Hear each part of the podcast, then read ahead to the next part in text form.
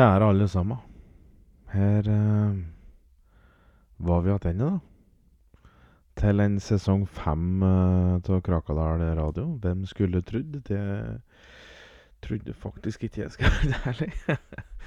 Men uh, utrolig er det hvordan det blir. Nå har jeg ordna meg en kopp kaffe. Snusen skal vi legge klar. Jeg har eh, kommet igjen fra Krakadalen i dag, faktisk, så nå er jeg nidusj og rein. Det var jo um, nesten litt skummelt å drive og vase rundt i skogene om, uh, om dagen, for det faen, det er jo hagleskudd dæven skjære meg overalt rundt omkring, så det Så ikke ett. Vi har mistet en god del uh, kamerater der uh, bare på et par dager. Uh, Tiuren Ottar ble jo skutt på Læland. Uh, han var jo hos meg på kaffe på fredagen uh, og fortalte at han var så fornøyd, da, for han skulle jo endelig bli far. Men det Han ble jo Ja, da ble han skutt dagen etter, og så ble det ikke noe pappa på han allikevel. Eller det blir for ikke noe pappa på unga han skulle ha, da. Men uh, det er for greit, det. De, så lenge de ikke rekker å bli kjent med han, så spiller det ingen rolle for de unga der, sikkert. Men ja. Og ja. Nei, øh, jeg har for lært øh, Det sa jeg til meg sjøl hele tida, at jeg har jo lært det at jeg skal, nå skal jeg slutte med dette øh, tullballet og drive og småprate her jævla episode. Det er så utrolig uinteressant. føler jeg sjæl, da. Jeg har jo ikke fått noen tilbakemeldinger på det, men Jeg trenger jo ikke alltid å få tilbakemelding på ting for å liksom mm. Da var jeg i gang med lik tulleprat. Nei, jeg håper i hvert fall alle har hatt en riktig så fin eh, sommer, om ikke noe annet, og at alle har det bra. At vi òg har klart å løse noenlunde riktig vettu i denne helvetes jævla mekka-tida av pandemi og faen. Men det skal ikke jeg bruke tid på, for det har ingenting å si, mine kjære venner. Nå skal jeg ta det med til Krakadalen. Og jeg skal ta det med til en tid som var i året 70. du, denne episoden, den heter 'Vinter og bensin'. Kos deg.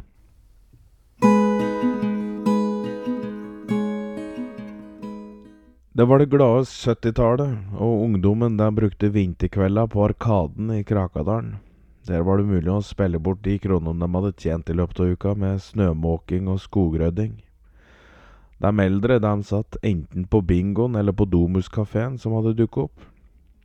Den kaffen den var jo populær for de eldre, for der kunne du da få kjøpe kjøttkaker og pottis på mandager, flesk og duppe på tirsdager, gjeddekaker med ertemos på onsdager, nevegrøt og flesk på torsdager og fiskeboller i hvit saus på fredager. Her middag kastet bare 15 kroner og gjorde det godt i magen for enslige eldre som syntes det var uh, ja, trivelig, da, med noe sosialt samvær på aftan. det, det er ikke alltid like trivelig å være aleine, så da var kaffen en fin plass for de eldre å, å henge på og skravle. Og litt bortafor der, så Da var det en vei som munner ut da, tur Krakadalen. Og bortover mot Elverum og Trysil så sto det en bensinstasjon. Arves bensinstasjon, heter den. Og ja, han som eide og drev den, han, eh, han heter jo Arve. Han heter Arve Mellem. Og han var en gladkær på det 62. året. Og kona hans Olaug var òg med å erbe der, rett som det var. Så sant det ikke var noe hun måtte ta seg av hjemme, da. Og det var jo ofte at det òg var greia, ettersom hun ikke syntes livet på bensinstasjonen var var noe særlig. De bodde jo òg i det samme bygget som bensinstasjonen, så det var jo ikke akkurat lange veien å gå hvis og dersom Arve trengte hjelp. Um, det var bare ei der imellom, faktisk. Så det, det får en si kort, kort vei. Denne vintermorgenen vi skal til, da hadde ikke Arve Erke å stå opp før klokka var ni. Og han var ute i bensinstasjonslokalet klokka ti, etter at han hadde høvet i seg en kopp kaffe og en brødskelk med hemkitte smør på og litt sukker. Han slo på lyset og så at belysningen kunne vise fram da alle de stolte varene som han hadde. Og det var en liten frysemaskin som det lå to typer kroneis i. Og da var det en med sjokolade og en med jordbær. Og så på ei hylle så sto det brus. Og så var det litt sjokolade som lå på hylla under. Det var ei bladhylle med alt ifra sladremagasiner til litt småerotiske magasiner. De sto riktignok på øverste hylle, da. Der eh, så småunga Så, så småbarnsøynene ikke akkurat rakk til. Sjøl om det var jo noen som sto Bare gikk le litt lenger bak og glana litt lell. um, og det sto litt elge som kundom kunne handle åt bilene sine. Noen tomme bensinkanner som var til salgs. Og på hylla bak disken, der var det jo reik og snus og Zippo-lightere. Og i hjørnet lengst ifra kassa, der hadde han, der laga til sitteplasser til kunder som kom for å ta seg en pause fra kjøring, eller om det var bare slik at de ville ha ei pølse og ete i ro og fred. Så da sto det to bord, fire stoler sto der, og på veggen så hang det ei klokke og den var formet som en Chevrolet Bel Air Convertible som han hadde bitt til seg for tre pakker sigaretter og gratis bensin av en svensk lastebilsjåfør for noen år tilbake. Og Idet Arve skulle gjøre klar kassa, da banket det på dæra. Og der sto jo Kai Ole og Siv Anita. Og det, dette var jo de to faste sladrehankene i bygda. Det er mange sladrehanker i bygda, så klart, men disse var, disse var slarvere, vet du. De, eh, I hvert fall på den tida. Og de satt jo på bensinstasjonen her enda dag. Satt, ved den ene, satt dem ved det ene bordet og glana ut av vindusruta, så dømte de alle som var innom. Det var eh, Slik måtte det være. Og Arve han gikk og leste opp der, og så, og så slapp han dem inn. Jaså, Arve, det er trett. Det er trett i dag, ja.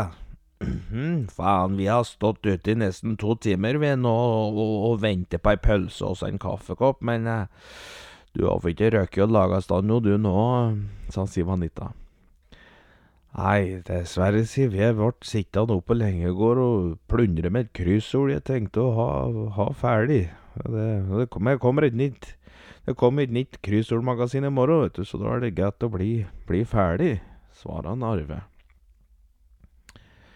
Og Siv Anita og Kajole de gikk og satte seg. Og Arve han satte på kaffetrakteren, og så fire han opp i pølsepanna, holdt jeg på å si. og så kunne høre, vet du. Disse to lengst borte som satte seg ved, hjørnet av bensinstasjonen ved borda der, og de begynte sladrepraten, vet du. Det hørte du om Berit Hauga? undra Simon Anita på. Nei, svarer Kajole. Oi, jo, hun, hun, hun slo seg på fleska i går, hun. Og så skulle hun ta livet sitt igjen, vet du. Og denne gangen da satte hun unga på trappa, og så la Hugo inn i glassovnen, nei, gassovnen. Og eldstemann han kom seg da inn igjen, da, og drog av turovnen igjen, og Berit hadde klakkene, vet du. Og da eldstemann fikk ut turovnen, vet du, da hadde jaggus, da hadde jaggu svidd trynet sitt, altså det så jo ut som hun var solbrent, vet du, med merker uh, etter rista på hele ene kjakan, vet du. Nei, men her er det du sier for noe? Ja, og da gubben kom att sent på netten vet du, fant dette der, ja, du veit, da hadde han, da hadde han driget av turhuset etter håret, og snøbasa kjerringa så så ut som reine svanan, vet du, der hun lå og kava ei stund. Uff a meg, ja, og han hadde visst gått inn, og så hadde han fått unga til å hjelpe han med å finne igjen all brennevin inni der, og så hadde han tent på hele spritsamlinga til, til Berit, vet du, utafor, så det, du veit, det var reine sankthans der i natt. Å, hva fæle greier du? Uffa ja, noe folk, vet du, fins det ikke råd med, samme hvor mye motgang de får. Men tror du gubben reiser fra? Nei. Nei, ja. Reise på arbeid dagen etter, like blid. Håper på en frisk start, da, vet du. At alt skal bli som de, da, da de ble i hopes, vet du. Og jeg tror da jaggu de ble i hopes på ungdomsskolen, jeg, du. Så, så, han vil frese rundt i bygden og tro at ting skal bli som en var da han var ungjypling, vet du, med dunor på pekken. Ja, du veit da fins det inga råd, da, vet du. Nei, du veit det fins ikke, fins inga råd, da, vet du. Nei, ja. Og Berit, vet du, hun sto utafor domysen i dag tidlig, jo. Kom ut med to lapskausbokser og tolv øl. Du veit, det skulle ikke være læ, vet du, å være så dum i hugget. Nei, det Nei, for nå kom jo gubben att i kveld, vet du, og da er hun drita full, da, vet du, og ja, da han da full kjerringa i hjel. Uff a meg, ja, men Men du, jeg hørte at han ikke erver så fælt lenger, ja, for han han hadde noe greier i ryggen. Ja, det stemmer det, en Reidar hadde prolaps, han, vet du. Men han sier at han erber som gartner, vet du, borte hos Bjørg Grønberg. Men det er bare ljug, vet du, det, vet du, for, for han er der og dupper løken, han. For han kjerringa er hjemme som er da så full hele tida, så vet du, han får en ikke pult, da, vet du. Men her er det det sier. Ja? Ja, han har holdt på slik et år tida nå. Ja, for du veit Odd, vet du, hennes Bjørg, han døde jo i denne bilulykka i fjor. Og da var han Reidar så fjong og trøstende, da, vet du, så du veit det gikk ikke lange stunda før den der noe, sa Bjørg endte med horer, vet du. Uff, åh, er Å, meg hessen har av Bjørg, det. Nei, det er ikke lett at uh, åtta etter at gubben døde, vet du. Ja, her har du hersin pølse og en kaffekopp, og da skal jeg kanskje skal jeg skrive det opp på kritalista, eller har du kronasjer å gi med, med en gang? Ja, jeg, du, jeg har kronerotta. Hvor mye vart det? undrer jeg Ole på. Ja, det ble tre kroner for pølsa, og så er det ei krone for kaffen, svarer. Ja, vær så god, og da skylder jeg deg for litt au, så du får ta disse kronene her òg, tror jeg. Ja. Hvor mye står for meg, da? Ja, da skylder du bare tolv kroner igjen, Kajole. Den er god, den, Arve. Det skal du få i morgen.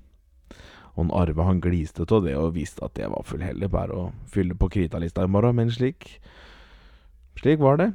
Det måtte han bare godta. Uh, og du, Arve, jeg har bare tre kroner, men jeg får noen kroner på torsdagen. Ja da, men Det går bra, det, sier Manita. Ja, hvor mye skylder jeg deg da? Da, Du skylder meg 30 kroner. Å, det Å, dæven, ja. Det Å. Uff. Det Det var litt vondt òg, det, da. Ja, men du, dette går så bra. Kos deg med pølsa nå, sa Narve, og så gikk han tilbake bak disken. Og plutselig så gikk dærbjella, og inn kom det ei ung jente. Hun var kanskje åtte-ni år, tenkte jeg. Uh, hallo, jeg skulle hente en katt, jeg, sa jentungen. En katt, svarer Arve. Ja, mor mi sa at katta vår var her. Jaså? Ja, du får vente her, da, så skal jeg høre. Arve gikk inn bakdæra og inn på kjøkkenet sitt, der Olaug satt med en kaffetår og ei katte på bordet. Men dæven kom denne katta ifra? undret Arve på når han så katta, for den hadde han ikke sett tidligere på morgenen. Ja, han, han sto og skreik så innmari bak ved sepla, så jeg tok han da inn og så ringte inn til radioen og sa jeg har funnet ei katte som skriker så innmari. Det er sikkert noen som eier den, vet du svarer Olaug. Ja, det er noen her nå, faktisk, som vil ha den att. Å, alt nå? Å, vi hadde det så trivelig her, vi satt og maler så fint, Arve. Det er ei katte vi skulle hatt. Kanskje bare kan si at eieren at vi slapp ut katta? Nei, men Olaug. Det er den jentunge som har mistet katta si og vil ha natt. Ta med katta nå, du. Olaug ga motvillig fra seg katta som velte kaffekoppen med bakbeina idet den ble løftet. Arve tok katta, mens Olaug hun satt og banne og svor og ba katta reise til helvete og aldri mer komme att. Og Arve kom ut igjen med katta, men jenta sa bare ja, det er ikke katta mi. Arve ble stående med katta i neven og svara nei vel, men det er den katta vi har funnet. Ja vel, sa jenta. Og så bare gikk hun sin vei. Har du, har du fått deg kattearve? Hoien en Hole og lo ifra stolen sin, og da tenkte han lo slik. Har du fått deg katte, du? og Arve han glisa tennene, og så gikk han tilbake til Olaug med katta. Å, men jeg vil ikke ha denne kattbukken her noe mer, har jeg sagt. Den kan reise straka veien og til helvete. Nei, men Olaug, vi, vi, får da ha han her til det kommer noen og henter den, da, når du har sagt ifra på radioen om at uh, du har funnet den. Ja vel. Men velter han kaffekoppen en gang til, da hever jeg uten. Bare ikke ha han på bordet, så går det for det bra.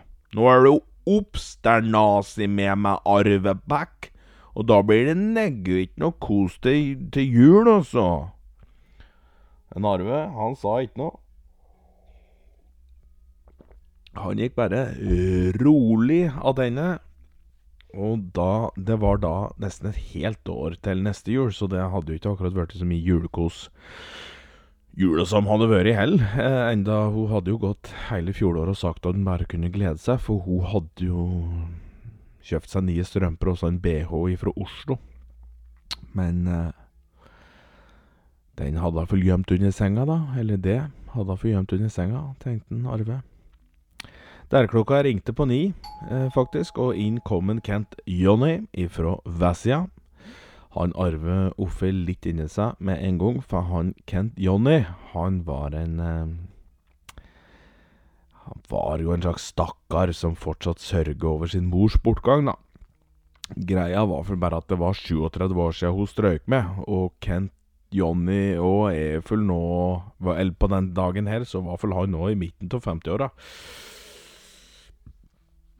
Oh, Samme han bare.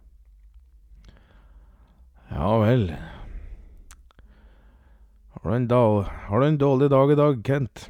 Å, du kan uh, bare kalle meg Kent Jonny, altså, Arve.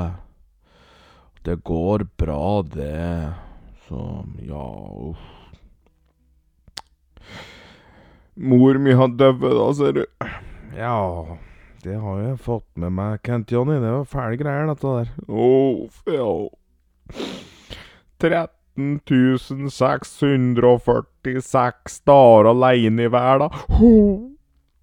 Det er ikke lett å være råd han blir etterlatt slik av den personen som har vært med deg helt siden starten av livet.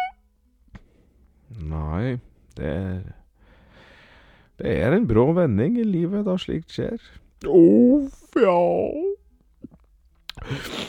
Hun smurte matpakke til meg her dag, Arve. Tenk på det.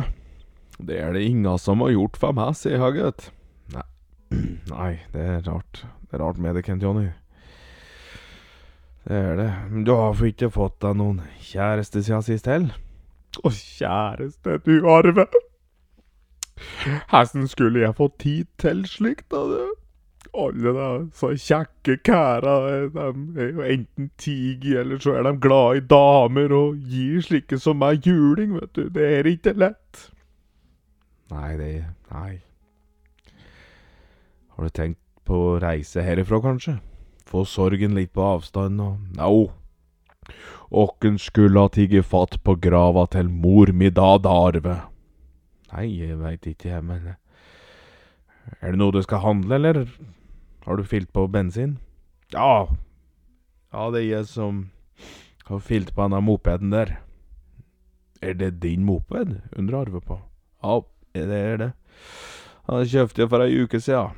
En trygg korve 290. Kjøpte den av en kar fra Alvdal, vet du. Går som Går så bra, han altså det. Han går så bra. Kent Johnny han så stolt bort på mopeden sin, som så så kald og ensom ut der framfor den ene av de to bensinpumpene som sto der. Det er ikke litt kaldt å kjøre moped i 30 minus, da, Kent? Å, oh, nei, ja. Kanskje litt. Men det er da så godt å heve seg i badekaret etterpå. For på den måten så kjenner jeg varmen ifra noe, i hvert fall, som gjør en som heter litt mindre kje. Arve så med medfølende øver på Kent Johnny mens han tastet inn summen på kassa. Neste gang eh, Neste gang så må du hente meg Så gir den som slår på pumpen før du fyller, Kent Johnny. Det er jeg som skal fylle på, vet du. Men du er jo riktignok en redelig kær som ikke stikker av, men uh, regler er nå slik, så jeg beklager uh, Jeg beklager det, men jeg liker ikke at folk tar seg til rette på stasjonen, vet du, når jeg ikke er her. Ja, beklager det, Arve. Alt det her er galt, vet du. Jeg, jeg mister mor mi, vet du, så tankene mine det er mer litt bardus om dagen. Dessuten så sa Siv Vanita at du fikler på ei katte, og det hadde ikke jeg lyst til å se på. Mm, ja, jeg, jeg fikler nå ikke på ei katte, da, men uh, Ja, nå har jeg i hvert fall sagt det fra Kent Jonny. Ja da, ja da. Jeg skal til kjerkegården igjen nå, tenkte jeg. Så Kanskje om du har noe av blommer jeg kunne fått til å legge på grava? Arve så opp på Kent Jonny og prøvde å tenke ut en unnskyldning, men han snudde seg og gikk inn til Olaug. Olaug, har vi noe blommer? Nei, men jeg har noe fuglenek. Arve tenkte seg om og Ja, det får duga. Olaug kom med to fuglenek. Disse kaster ett krone stykket, så disse gir du neggu ikke bort. Men Arve han bare riste på hodet gikk ut att. Kent Jonny Bryske overrasker med bryna sine over at uh, Arve kom ut med julenek. Her, Kent Jonny. Blommer det har vi ikke, men uh, det kan jo være trivelig for mor di med litt dompap-besøk på vinterstid, så Ja. Det blir du nå glad for. Tusen takk, Arve. Takk for det. Og ja, få hilse Olaug. En Arve gikk ut for å se til at eh, alt var som det skulle være, med bensinpumper og det som var. Han sjekket lufttrykket i luftpumpa på sida av veggen, og så gikk han for å fylle på varmtvann. Og så Ja, for det, det var jo så fælt kunne væske rutene sine selvfølgelig da bilene kom, men det var vinteren, så vannet det ble frøset fort. Inne så satt Siv Anita og Kai Ole og, og glana etter eh, Kent Jonny. Ja, tenk det, Kai Ole. I 37 år har denne mora som ligget død, og enda så farer denne gubben bygda rundt og sitter og klager og, og sørger, vet du. Verre som en liten unge, den der. Åh, ja, det er fæle greier, synes jeg. Ja, jeg har hørt er homo. Jeg har hørt at han er homo, jeg. Det har jeg hørt. Altså. Å ja. Han snekrer, han, han snekrer ikke hitter som liten han, la. Han spikker dildoer, han. Men alle Ja, dildoer spikker og teile bygden. Og det var det ingen som helst skjønte her de fikk julegaver omkring, vet du, før han satt på julebingoen og ropte ut 61. Og, da, da, og, ropte ut at nummer 61, Geir Einar, fikk en mannepiss i premie. Det var det han sa. Hva sa du nå? Han spikker dildoer til hele bygden. Og, det, og, da, og de satt på Det var ingen som skjønte det de fikk før han satt på julebingoen og ropte, og da satt han på julebingoen, og da ropte han ut Nummer 61, Geir Einar, og så fikk, en, så fikk premien en mannepiss. En mannepiss, sa du? Ja. Ja, han hadde ikke gått i skauen på høsten da, han. Og, og da, vet du Han hadde jo gått i skauen på høsten, mener jeg. Og da hadde han vært i Han hadde drevet og samlet inn måser, vet du, som han drev og tørket til jul. Og så pynte han dildorota med den måsen som skulle se ut som kukar, vet du. Men tenk på det, du. Å, men det var fæl greie. Men han må da han, han må jo få være glad i det han vil, da. Å ja, ja, ja. Du, jeg bryr meg ikke om det, det, i det, i, i, om det, det, det heller, det, det, vet du. Du vet, denne kæren kunne ha løyet med sauer, han, og for alt jeg hadde brydd meg om, det hadde ikke spilt noen rolle for meg. Nei, nei, nei, nei. Han må være glad i den han vil, vet du. Og guden skal vite at det er mye mekkagubber i denne bygda. Så du veit, det er helt greit for meg om han vil drive og ta bort noe av dem, vet du, litt vekk fra markedet. Å, faen meg, ja, det er mye fæl gubbe, gutt. Jo, men han var da en kjekk unge, egentlig, da. Alltid snill og høflig. Og denne mor hans da, som bare flaug huset mellom lag, drev og lå rundt med den ene og den andre. Reine drosjesentralen, det, gitt. Å, ja, det husker jeg. Ja, du så henne, du òg? Ja, jeg så henne ofte, for hun kom til meg her torsdag klokka fem og kløpte håret mitt. Hun kløpte håret ditt? Ja, hun var jo frisør, vet du, så hun drog rundt og kløpte så å si alle som trengte en hårklipp i bygda, vet du. Og det var fæle greier, det, gitt, at hun strøyk med det beste frisøren jeg har hatt, gitt. Og jeg fikk, uh, jeg fikk noe krem i håret, og så fin sleika som jeg fikk, så jeg ble litt rent småpen jeg, etter at hun dro. Ser du det, du? Å ja. En kunne se i begravelsen hennes at hun var død, for vi så ut som noen trøllbukker alle sammen for huget der vi satt og sang salmer og grein, vet du. Ja, det husker jeg Det husker jeg òg, for så vidt. Ja. Ja, eh, skal det være litt mer kaffe? brøt Arve inn med kaffekanna i hånda. Å, men du er da nå så snill, Arve, du setter denne på lista òg, du, da. Arve nikker blidt og gikk tilbake til kassa. Og så kom det ei lita jente til inn der, stelte seg framme ved disken. Ja, hei sann, er det ikke vesle Madeleine som er utpå? sa Arve. Hei, Arve. Jeg lurte på om jeg kunne få sukkertøy. Jaså, ja, vil far din at jeg skal hjelpe til å fylle bensin òg, kanskje? Den Arve så nemlig far hennes stå ute og vente utålmodig med sin Opel Ascona stasjonsvogn. Ja, han ba meg om å hente deg så fort som faen, for vi har så dårlig tid. Å, jaså, ja. Hvor skal du hen, da? Nei, vi skal til Kongsvinger for å bade i basseng. Ja vel. Skal du det, ja? Men da kanskje du vil ha en is på veien òg, da, så du kan kline litt i bilen til far din? Ja takk. Vesle Madeleine ferda Arve bort til disken der han plukket opp en kronis. Han spurte om hun ville ha sjokolade eller jordbær, og hun tok jordbær. Far virker noenlunde oppgitt da Arve kom ut denne vinterformiddagen med datter hans som åt is. Prøver du å gjøre ungen min sjuk, Arve? sa han. Ja, nei, ja, nei, ja, Trond. Litt is kan for lite skade, det fulverte nå ikke i bila di. Trond sa ingenting og så på at Arve gjorde klar pumpa og fylte Opelen hans. Inne satt Siv Anita og Kajolo og nippet til den gode, svarte kaffen de hadde fått på krita. Du veit Trond Trond har vært i militæret, han, sa Sivanita. Å, var han det? Å ja, han har vært i Vietcong og Vietnam og slik, han, og krige. Jaså? Fælt skal det være så mye krig og elendig i verden i dag, gitt. En skulle da tru folk bare ville ha det godt. Men du veit, folk er gærne borti der òg, da, vet du. Spik hakkande gærne. De eter edderkopper der, har jeg hørt. Det er joggu fæle greier. Uff a meg, edderkopper. Du veit, da, da hadde jeg heller gnøget om med ermen, jeg, vet du. Å, ja, det hadde jeg gjort òg, sier Anita. Fy faen.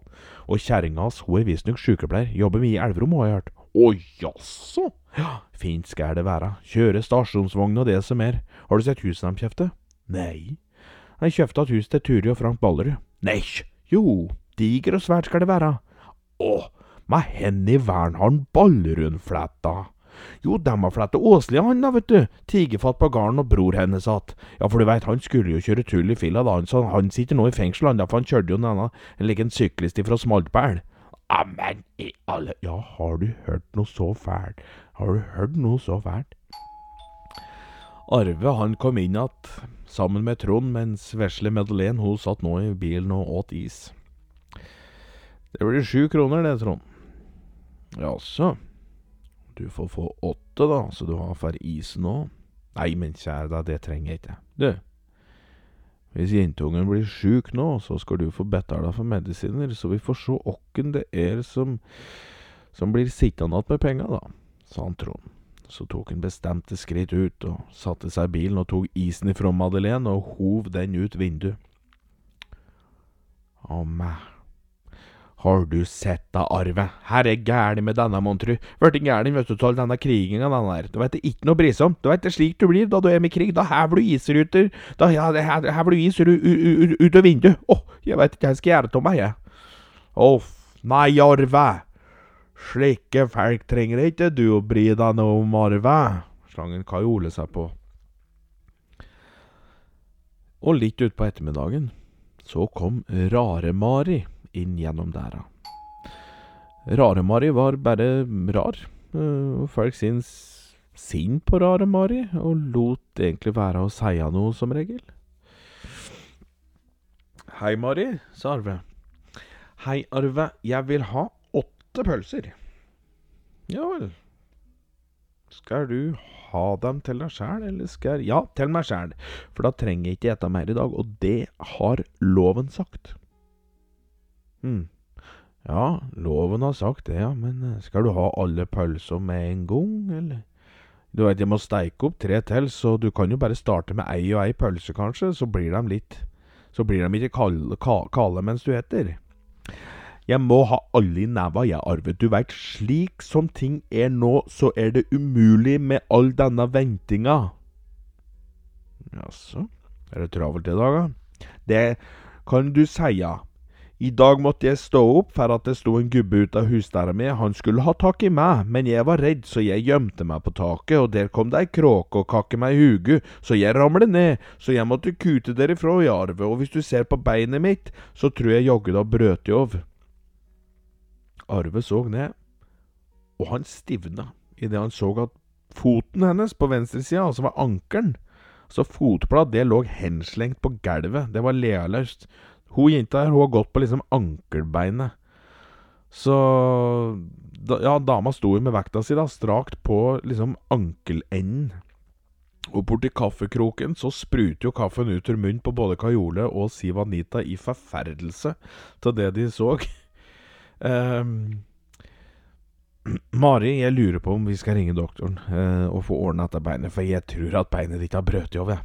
Jeg hater doktorer, så det går ikke. Jeg skal bare ha åtte pølser, og så skal jeg gå hjem igjen. Og jeg har mistet katta mi, så jeg har det travelt. Har du mistet katta di? Er det Er det en katte med brune og svarte striper, tror jeg? Men er du synsk eller noe likt, du? Katta mi har aldri vært hos deg før, Arve, og det veit jeg, for den har jeg bare hjemme. Det stemmer nok, men du skjønner det at vi fant ei katt i går med svarte og brune striper, og den tror jeg kan være din. Vent her, du, mens pølsen stekes ferdig, så går jeg og henter katta. Arve gikk til Olaug, og imens tok Kajole med seg en stol bort til, ra eh, bort til eh, Rare-Mari, så hun fikk sette seg. Og Siv Anita hun tok med andre stolen, og så løftet hun beinet opp på den for eh, eh, For å støtte, selvfølgelig. Men hun, Siv Anita hun begynte jo å spy, da, da foten bare dingler idet hun løfter opp. Olaug, hvor er katta di? sa Narvin en kom inn på kjøkkenet. Olaug hun sto ved benken og hadde smurt på to brødskiver med smær og ost på. Vil du ha lunsj? Etterpå. Hvor er katta? Jeg hang opp på veggen, sa Olaug. Hva sa du nå? Hun henger der. Og på veggen, veggen hang katta i ei snor tjore rundt magen mens hun lik halvt forsøkende kava for å komme seg løs. Men her dæven henger hun på veggen for. Ja, hun meig ned skoa mine i gangen, og kattpiss lufter det så de skoa må jeg da full heva, jeg. Du, hvis det er eieren som har kommet, så får du si at den skylder meg 80 kroner for skoa. Ja, de kaster vel bare 50, og nei, jeg kommer ikke til å sperre eieren om det. Å, er det fattigfolk som har mistet katta? Nei, det er uh, Rare-Mari. Olaug stoppa opp og slapp erma ned. Nei og nei og nei. Her skal da slike mennesker med husdyr å gjøre. Nå tier du stille, du. Hun henger da i hvert ikke katta opp etter veggen. Arve tok med seg katta ut, og Rare-Mari ble så glad at hun fikk se, da hun fikk se, eh, for at hun fikk se igjen katta si. Men Arvid han var ikke like glad over alt spyet som nå lå på gulvet. Her er det som har skjedd her nå, da? Uff a meg, Arvid, jeg skal vaske det opp, men jeg hæler ikke løse bein, vet du, og det hjelper ikke med lufta til å spy heller, vet du. Nei, hender er en Kajole, da? Ja, han gikk ut, sa Siv Anita, mens hun gikk til kundetoalettet for å vaske munnen sin. Arvid glana ut og så at Kajole var eh, på full vei inn med bøtta som sto til bilrutevesken. Arvid gikk inn i møte. Eh, Kajole, ikke denne der, da. Det, da blir ikke gulvet rent, og det lufter så skært i hele stasjonen. Så, men jeg har noe grønnsåpe, så bare kom inn og, og ta deg en kopp kaffe, du. Arvid fikk ringt ambulansen som skulle komme så fort de kunne, bare for Så fort de kunne, da, bare denne helvetes traktorhelmer fikk braute veien klar. For du veit, veier eh, Veibrauting inn i skogen, det var jo Det er jo litt vanskelig av og til. uh, ja, nå Nå kommer det folk for å hjelpe deg, Mari. Du veit, beinet det må ordnes, det, vet du. Hvis ikke så mister du det att. Og da har du ikke noe bein å springe vekk ifra fremmede folk på trappa med lenger. Rare Mari klapper på katta si og så rolig opp i taket. Det var jo ikke fremmedfolk akkurat, det var jo kjæresten min, men jeg er ikke noe glad i han lenger, for han bare gjør ting jeg ikke vil gjøre, men jeg sa at da var det slutt.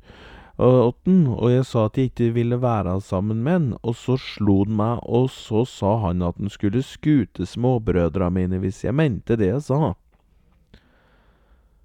Og Arvid han ble litt oppgitt over det hele. Uh, han ga henne fire pølser. Uh, vær så god, uh, et opp disse, så får vi se om du erker meg, sa han. Visste du at pølser en gang i tida kom ifra dinosaurer som ikke likte gress? Uh, nei, det har jeg aldri hørt om, uh, svarer Narvid. Ja, det Det kan stemme, det, rare Marit, for jeg har hørt noe lignende at kjærlighet på pinne kommer ifra Raptosaurus totolotter, sa Kajole fra kaffebordet sitt. Det stemmer det, Kajole, det har jeg òg hørt. En arve måtte glise. Selvfølgelig, det var jo veldig rart eh, opplegg, det der. Og ut kom Siv Anita, spurte om bøtte og såpe så hun kunne få vaske bort alt spyet. Og fikk det. Og da Og Rare-Mari fikk de på sjukehus. Og så, plutselig, hadde det blitt kveld på Arvids bensinstasjon. Kajole og Sivanita de satt med hver sin is og enda en kopp kaffe stående glovarm på bordet. Plutselig rullet det opp eh, flere mopeder framfor inngangen, og mens ungdommen tok av seg hjelmen sine, tok av seg hjelma sine, så rullet en feit Mercedes-Benz 300 Limo 1951-modell i vinrød farge opp til den høyre bensinpumpa. Slike biler trodde jeg bare fantes i Hollywood, jeg, gitt, sa Siv Anita. Mopedmona og gjengen brydde seg ikke så mye om bilen som rullet opp bakom dem, og spaserte rett inn så dærbjell, dærbjella eh, klirret flere ganger. Og de gikk først bort til magasinhylla, plukket fram hvert sitt tegneserieblad, og så mumlet de litt seg imellom. En Arvid visste at man måtte holde et lite øye med ungdommen, men han var innmari nysgjerrig på hvem det var som eide denne fine bilen der ute. Det tok sin tid før bildæra åpnet seg, og ut ur bilen reiste det seg en kær med gyllent hår, pent gredd bakover, med silkeslips og svart skjorte og en lang, svart frakk. Er det Lauritz Granel? undrer Siv Anita på. Lauritz Gran, svarer Kajole. Ja, guttungen til Hege og Lars Gran. Han som spiller musikk, vet du. Han har disse fine sanger, vet du, om kjærlighet og vår. Ja, det har ikke jeg hørt om. Har du ikke hørt om han? Og du veit, han har da vært i avisen, han. Både i Krakanit og Glåmdalen og Østlendingen og HA og Aftenposten og VG. Jeg tror jaggu han har vært i avisen i Sverige òg, ja, du, for han spilte der en gang, veit jeg. På Lisenberg eller Listenberg eller Lisberg eller noe slikt. Det var Det var det Det var um, Det var i hvert fall en stad i Sverige en stad. Ja, kanskje var det Stockholm, du. Kanskje var det Göteborg. Eller Göta kanal. Jeg veit ikke. Jeg veit ikke. Men det var en stad, da. Det var da i hvert fall en stad. Ja, så godt. Det var det. Ja, ja, ja, ja. Og han har gjort gode penger, han sier. Å, mopedmona. Hun gikk opp til Arvid, slang et Fantomeblad på disken. Fantom i dag, ja, sa Arvid og ga et vernsmil. Ja, og en tipakning med Malboro. Jaså. Du, da trenger jeg legitimasjon, jeg, Mona. Ja, det er jo til pappa, da. Der bjella gikk, og Lauritz Gran gikk inn og så ut til å, forvente applaus, egentlig. Men det kom jo ikke inn på denne bensinstasjonen så da gikk en snurt bort, og så dytten Mona unna disken. Hei, jeg skulle gjerne fått noe bensin, ja, sa Lauritz. Du fått bensin, du? Ja, Dessverre søkte jeg etter en plass der vi gir bort bensin, så her må du nok kjøpe, svarer Narvin. Dessuten så sto de før deg i køen, så du må nok gå og vente til jeg er ferdig med kunden her. Lauritz Gran så med store og forvirrede øyne på Arvid mens han mens han eh, så seg rundt, akkurat som om han skulle ha vært Ja, vært med på et litt skjult kameraprosjekt. Ja, unnskyld meg, men veit ikke du hva jeg gjør? Kjære Lauritz Gran, jeg veit godt mor di og far din er, og jeg gir blankt tusen i om du synger fine sanger for fine jenter som Mopedmona her, men i min bensinstasjon så må nok du pent stå i kø som alle andre, svarer Arvid, og så vinka han Mopedmona bort til disken igjen. Mopedmona gikk forbi Lauritz og viste den langefingeren idet hun passerte. Lauritz Gran han sto førten av tennene, men visste at om Arvid kjente foreldra hans, så var det for ingen vits i å krangle. For om de fikk vite at han var et rasshøl, ja, da var det smekk på pungen da han kom hjem igjen. Ja, jaså, Mona, så det er far din som har sendt deg på sigarettoppdrag, og ikke vennene dine, da, som står der og leser hersitt pornoblad gjemt i Donald-bladet? Mopedmona snudde seg forlegen og så bort på vennene sine som ja, så visst sto de der og glana på pornoblad. Og Kajole og Siv Anita de sto og smugtitte bakom brusen på de oppladde erotiske bildene der, de òg. Ja Vi trenger sigaretter og porno til hengestellet vårt, Arvid. Og du har da vel vært ungdom en gang, du òg? sa mopedmona.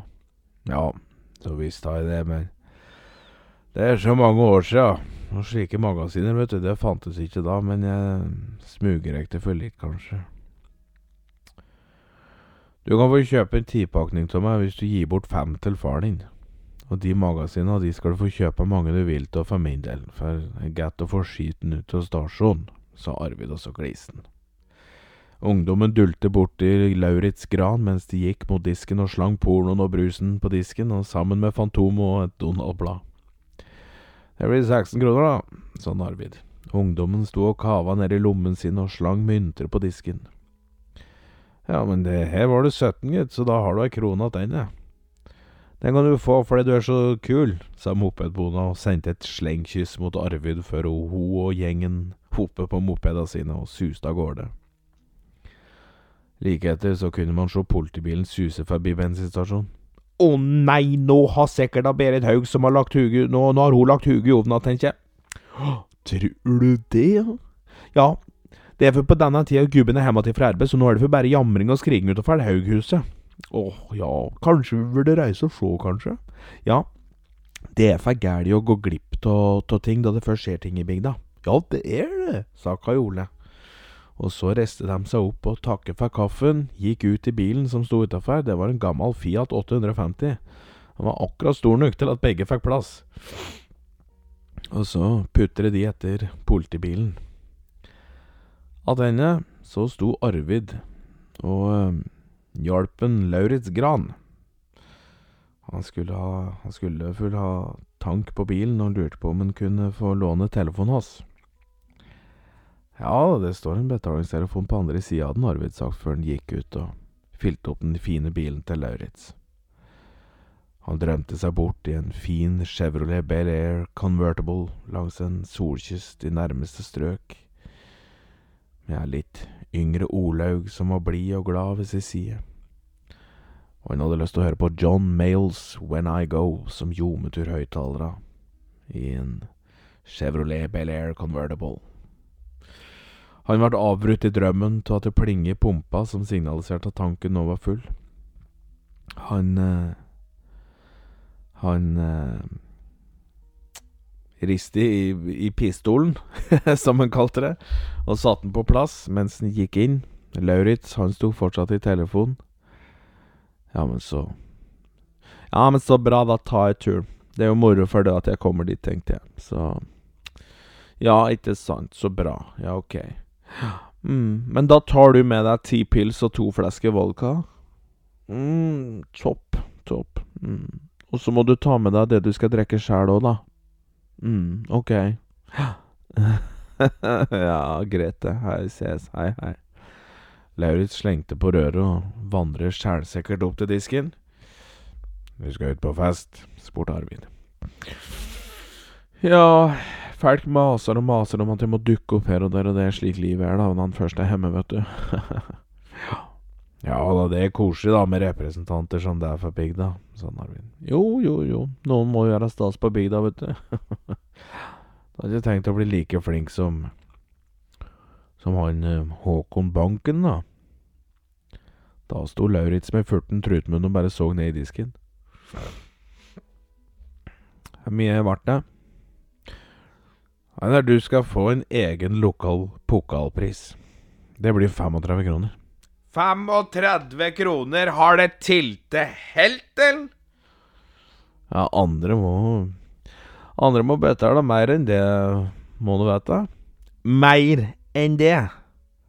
Mer enn det. Ja, dit skal det være, men har du såpass dyre og lokale bensinpriser, det kan da umulig gå rundt for folk rundt om i bygden med slike priser der. Nei. Så er det ikke alle som kjører med en så fjong etterkrigsbil heller, så hva skal det være storkær? En Arvid blunker lett mens han ga ifra seg et digert glis.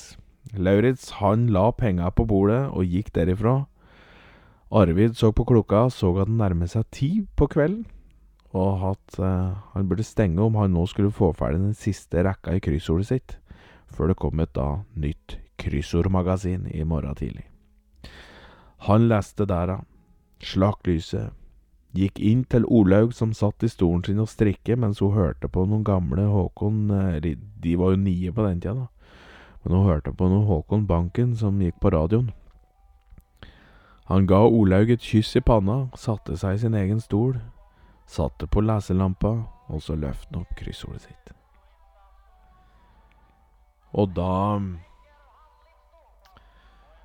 er det òg en sang som kommer nå eh, Som heter uh, Huguvisa. Den uh, følte jeg passer bra til uh, Til denne episoden.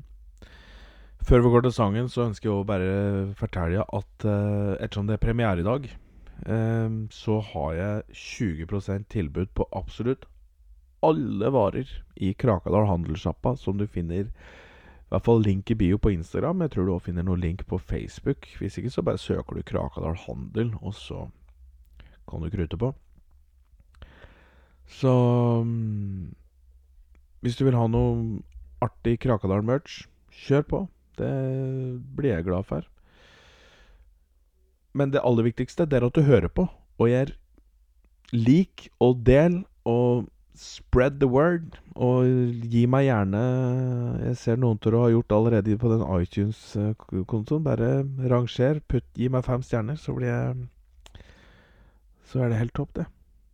Her kommer Hugevisa. Ha en kjempefin eh, dag, uke, helg, whatever. Her tid enn du måtte høre på dette her. Kos deg. Vi høres.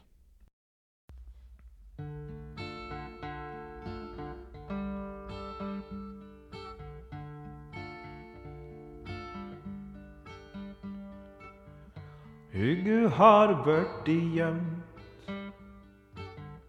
tanker er forsvømt. Det var da aldri meininga, men jeg har da søkt i eininga. Min forstand er feiljustert, ingen ord og tanker er redusert.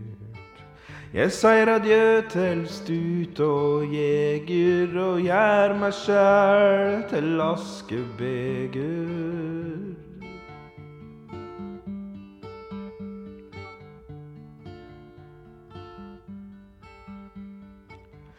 Fornuft var fornuftig fær, da var hånda di farlig nær. Jeg har alltid hatt tålmod, med hjertet i neven, dynke i blod. Sær kjærligheten etter her dag fant bare jævel og ubehag. Unnskyld til deg og mine barn. Men sjela mi vart stjålet i et lite ran.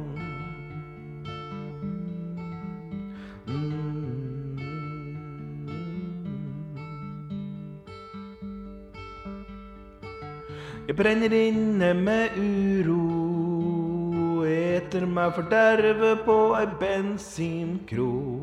Etterlater verken smil eller peng, og undres om jeg som fare var litt streng. Fæl grå til å sleike rustne sår, og klager jeg alle til huden står. Hva må hvile bare bitte litt. Og svart står enkedama med glise i hvitt. Ja, svart står enkedama med glise i hvitt.